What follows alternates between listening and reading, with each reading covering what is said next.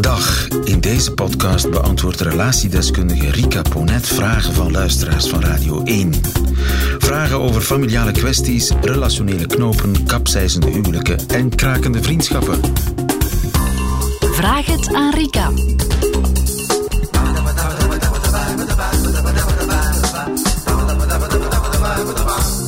Karel, hij schrijft. Ik heb bijna een jaar een relatie gehad. Mijn partner had het er moeilijk mee om zich te binden en hakte de knoop door en beëindigde de relatie. Ook al was er een hele goede band, maar de verliefdheid was weggeëpt bij haar. Drie maanden en veel verwerkingsverdriet later wil mijn ex, die inmiddels al heel wat heeft gedate, in tegenstelling tot mezelf, weer starten met daten met mij. Ik zie haar nog altijd doodgraag en zou niets liever willen dan de relatie opnieuw voortzetten.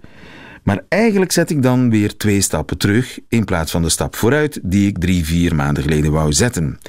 Ik had net een goede maand geleden afstand genomen van haar, wat mij heel veel pijn deed, omdat ik ook op die manier afscheid moest nemen van mijn beste vriend. Nu weet ik niet wat te doen. Opnieuw ons voorzichtig een kans geven of toch verder doen waarmee ik bezig was, met name afscheid nemen en afstand pakken, schrijft Karel om op termijn een andere partner te vinden. Ja. Wat zou jij doen? Oeh, uh, wat zou ik doen? Ja. Ik denk dat Maar alles... ik, eh, wat ik zou doen, ik denk dat Karel zich daar geen eh, voorbeeld moet aan nemen, want ik denk dat het hangt ervan af hoe je, als je echt denkt van dit, dit is ze, dan zou ik, dat, zou ik er wel voor gaan, Ja. denk ik. Ik denk dat alles in zijn verhaal betekenis heeft. Wat hij hier eh, op tafel legt. Oké. Ehm, en krijg die vraag wel vaker. Hè. Eh, is dat een goed idee, terugkeren naar een ex? Want daar gaat het eigenlijk over. Terug je naar een ex die het eerst uitgemaakt had, Die tegen jouw ja, zin. absoluut. Hè. Ehm, en ik zeg Ze dacht dat het gras groener was, maar het Ah, was toch niet ja, groener. het blijkt toch. Ja, inderdaad, want ze heeft al veel gedate ondertussen. Ja. Ehm, ik zeg daarop nooit ja of nee, omdat ik ook weet dat dat zo niet werkt. En als mensen terugkeren, dat dat altijd is. Omdat ja, de band die er was en nog een stuk is, krachtiger is. Of dat ze dat nog nodig hebben om daarmee in het reinen te komen. En soms nadien, als het dan toch terug niets wordt, ze beter in staat zijn om alsnog afstand te nemen. Dus in die zin denk ik, als je terug wil, moet je dat zeker doen. Nu, ik lees in dit verhaal toch wel, zeker van haar kant dan, of ik hoor in dit verhaal toch wel een aantal ehm, elementen waar ik van denk, het is toch goed, Karel, dat je daar eens bij stilstaat. Ehm Eh, zoals? Welk element valt jou op? Ja, dus ze, ze hebben een hele goede band. Ze zijn een jaar samen. Het loopt allemaal heel goed. Maar zij geeft ineens aan, de gevoelens zijn er niet meer. Ja, de verliefdheid. Dus Ze hadden wel een hele mooie vriendschapsband, Ja. maar die, die, ja, die, die, ja, Ja, dat, dat, parelende, vlinderachtige, dat was Ja. weg.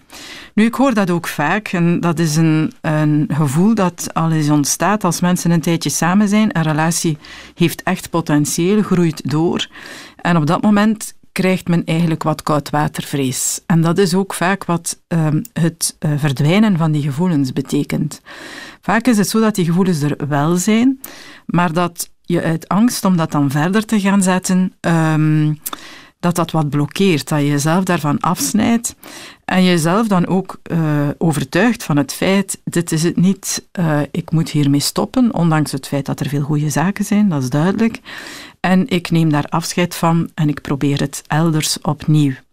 Nu, ehm, heel typisch ook op het moment eh, dat hij afstand neemt, hè, want dat voelen mensen bijna feilloos. Ik ga er ook vanuit dat er nog contact geweest is. Op het moment dat hij zo helemaal bijna in het reinen is met wat was, komt zij terug. Dat is ehm, ook eh, ja, nogal typisch. Dat eh, mensen die in een relatie zitten in eerste instantie devalueren wat ze in die relatie hebben. En als de relatie er niet meer is, dat net gaan valideren. Dat is eigen aan mensen met een nogal vermijdende hechtingsstrategie. Dus als ze in een relatie zitten, vinden ze het moeilijk um, om dat te bestendigen. zoeken ze elementen om die andere op afstand te plaatsen, stappen ze er vaak uiteindelijk ook uit, uh, omdat ze vinden de gevoelens zijn er niet, het klopt niet, er zijn dingen die toch niet aanwezig zijn die ik wil. Um, en van zodra ze eruit zijn, wordt die andere plots weer een stuk aantrekkelijker. En al helemaal als die andere zich helemaal terugtrekt. Dus ik heb een beetje schrik dat dat op termijn kan uh, verzanden in een verhaal waarin hij dan nu terugkeert, haar opnieuw een kans geeft, ze het opnieuw proberen en zij zich opnieuw zal terugtrekken. Waarop hij dan terug zich slecht voelt, zich daar een tijdje probeert. En dat soort cirkeltjes, dat komt voor? Dat komt zeker voor. Dat is ja, wat we dan heel typisch zien in uh, relaties waarin dat er altijd opnieuw weer een vorm van aantrekking is en wegduwen. Vermijdende hechtingsdrang, ja, zeg je. Een, ver, eh, een vermijdende hechtingsstrategie. Strategie, sorry. Ja, drang zou ik het niet noemen. Um, en uh, ja, wat lijkt mij belangrijk? Zie je haar echt graag? Um, wil je dit graag nog een kans geven? Doe dat dan. Dan denk ik, zoals jij zegt, waarom niet? Um, het kan heel goed zijn ook dat je na verloop van tijd ervaart, oké, daar gaat ze terug, dit wil ik niet meer, ik stop daarmee.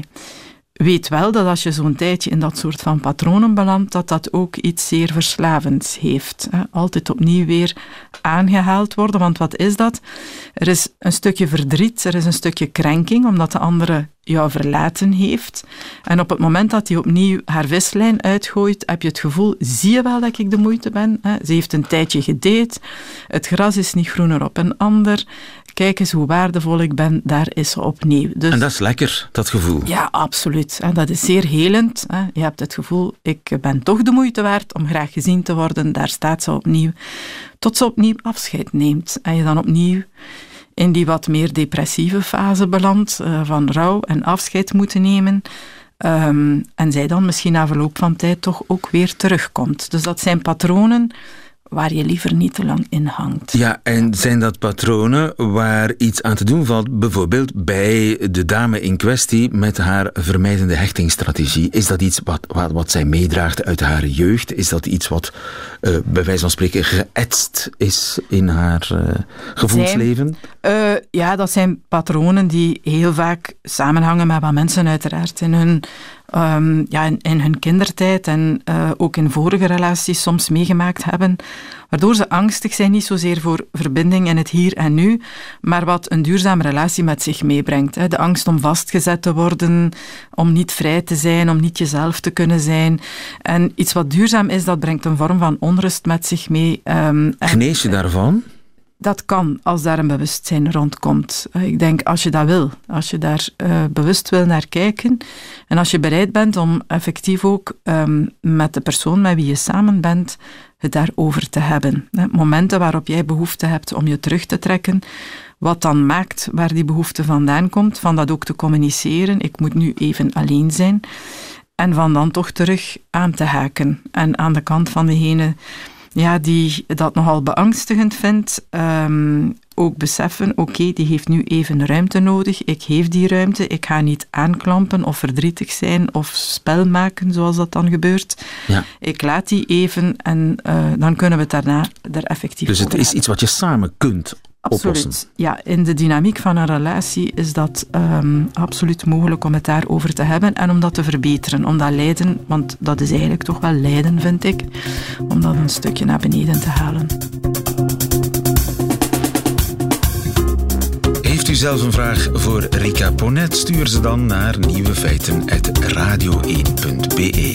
En wie weet hoort u het antwoord in een volgende podcast. Namen worden sowieso veranderd.